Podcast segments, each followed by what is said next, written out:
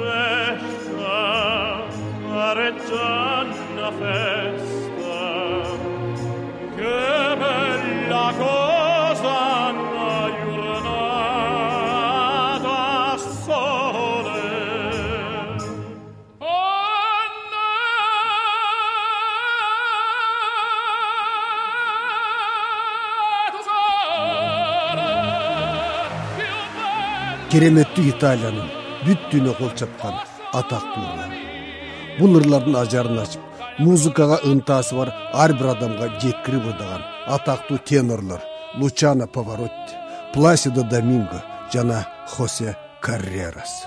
Бири италиядан болсо калган экөө доминго менен каррерас испаниялык ырчылар. Бул үчөө жөн ырчы эмес операнын ырчылары. Үчөө тең тенор. Үчөөнүн үч башка музыкалык табити ырчы катары биографиясы аткаруу манерасы бар. Бирок бул үчөө биригип ырдаганда чыныгы ырчы деген кандай болот? Нака музыка деген эмне деген суроого жооп өзүнөн өзү табылат го маселен интернеттен карасак бул үчөөнүн ырын уккандардын саны он бир миллион адамга жетиптир. Башкача айтканда поворотти доминго жана карьерасты уккусу келген адамдардын саны эстрадалык эң мыкты деген ырчылардан да ашып кетиптир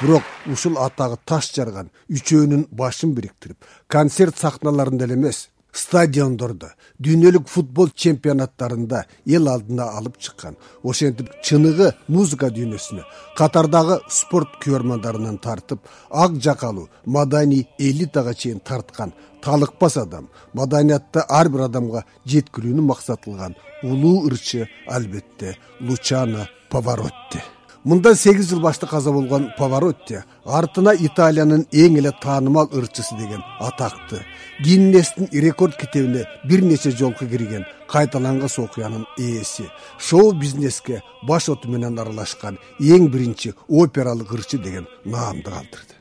Ошону менен бирге поворотти миландын атактуу ласкала театрында нью йорктун метрополитен опера театрында лондондогу ковент гарденде венадагы операда эмгектенген негизги прима ырчы ар качан театр сезонун баштаган супер жылдыз катары таанымал болду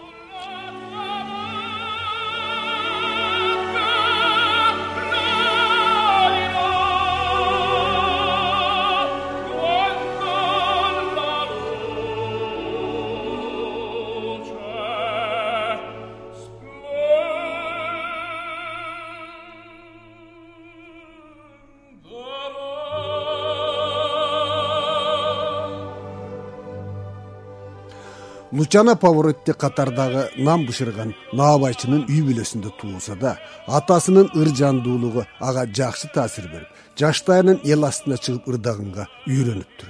Өзү туулуп өскөн модена шаарында ар кайсы музыка чеберлеринен сабак алып чыныгы операнын жол жоболорун сырларын аткаруучулуктун эң мыкты деген ыкмаларын белькантону үйрөнүптүр. Ошентип жүрүп жоан сазерленд монсеррат кабеле сыяктуу ырчылар менен бирге ырдашып атактуу герберт фон караян сыяктуу улуу дирижерлордон таасим алып бактысы бар экен. Милан шаарындагы ласкала театрына ишке орношуп ошол жерден атагы чыгып бара бара дүйнөлүк атак даңкы бар опера сахналарында чыгып ырдаганга шанс алыптыр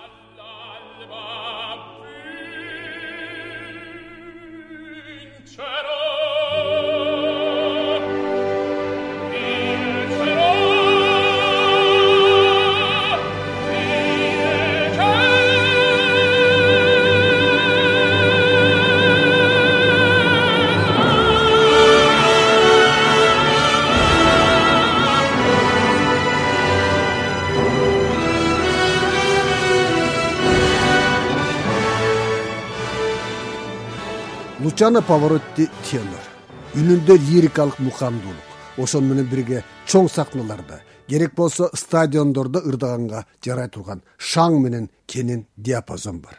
Балким ошон үчүн поворотти эстрада жылдыздары элтон джон брайан мей стинг селин дион роджер тейлор менен чогуу ырдады башкача айтканда опера менен эстраданы билгичтик менен айкалыштырды. Ошонун натыйжасында опералык ырчыларды массаларга алып чыкты операны миңдеген кишилер баткан стадиондорго болгондо да футбол боюнча төрт чемпионатка концерт катары алып чыкты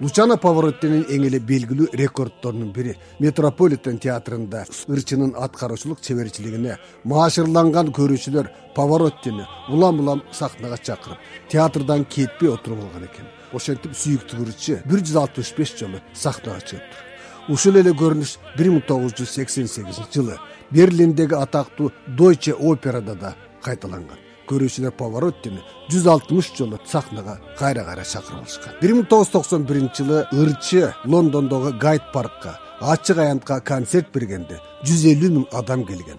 Ал эми нью йорктогу борбордук паркка концерт бергенде беш жүз миң адам катышкан.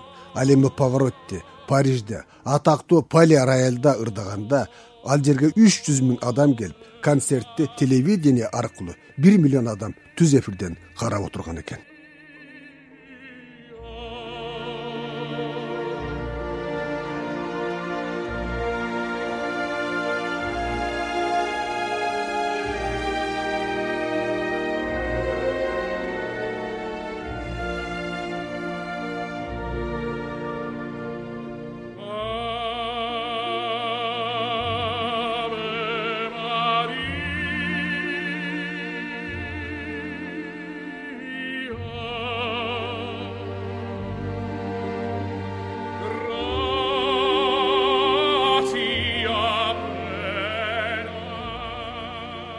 албетте улуу италиялык ырчы операны калктын калың массасына жеткирүүдө зор иш жасады ошону менен бирге анын коммерциялык багыттагы концерттери ага миллиондогон доллар акча каражаттарын алып келди. Бирок лучано поворот тапканын элге кайрган кайрымдуулук иш аракеттерин көп жасаган эң биринчи опера ырчысы десек туура болот. Себеби атайын качкындарга азган тозгондорго жардам катары ондогон концерттерди берген акчасын качкындардын жардам фондусуна которгон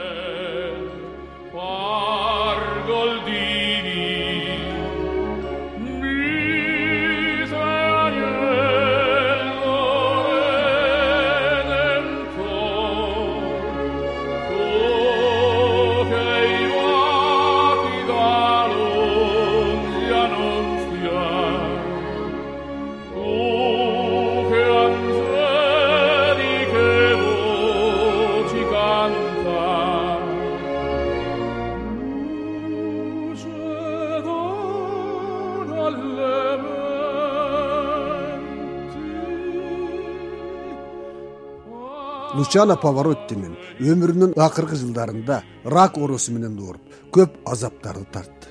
Коштошуу концертин адегенде нью йоркто эки миң төртүнчү жылы андан соң италиянын турин шаарында эки миң жетинчи жылы берди. Бир жылдан соң улуу ырчы бул дүйнө менен түбөлүккө кош айтышты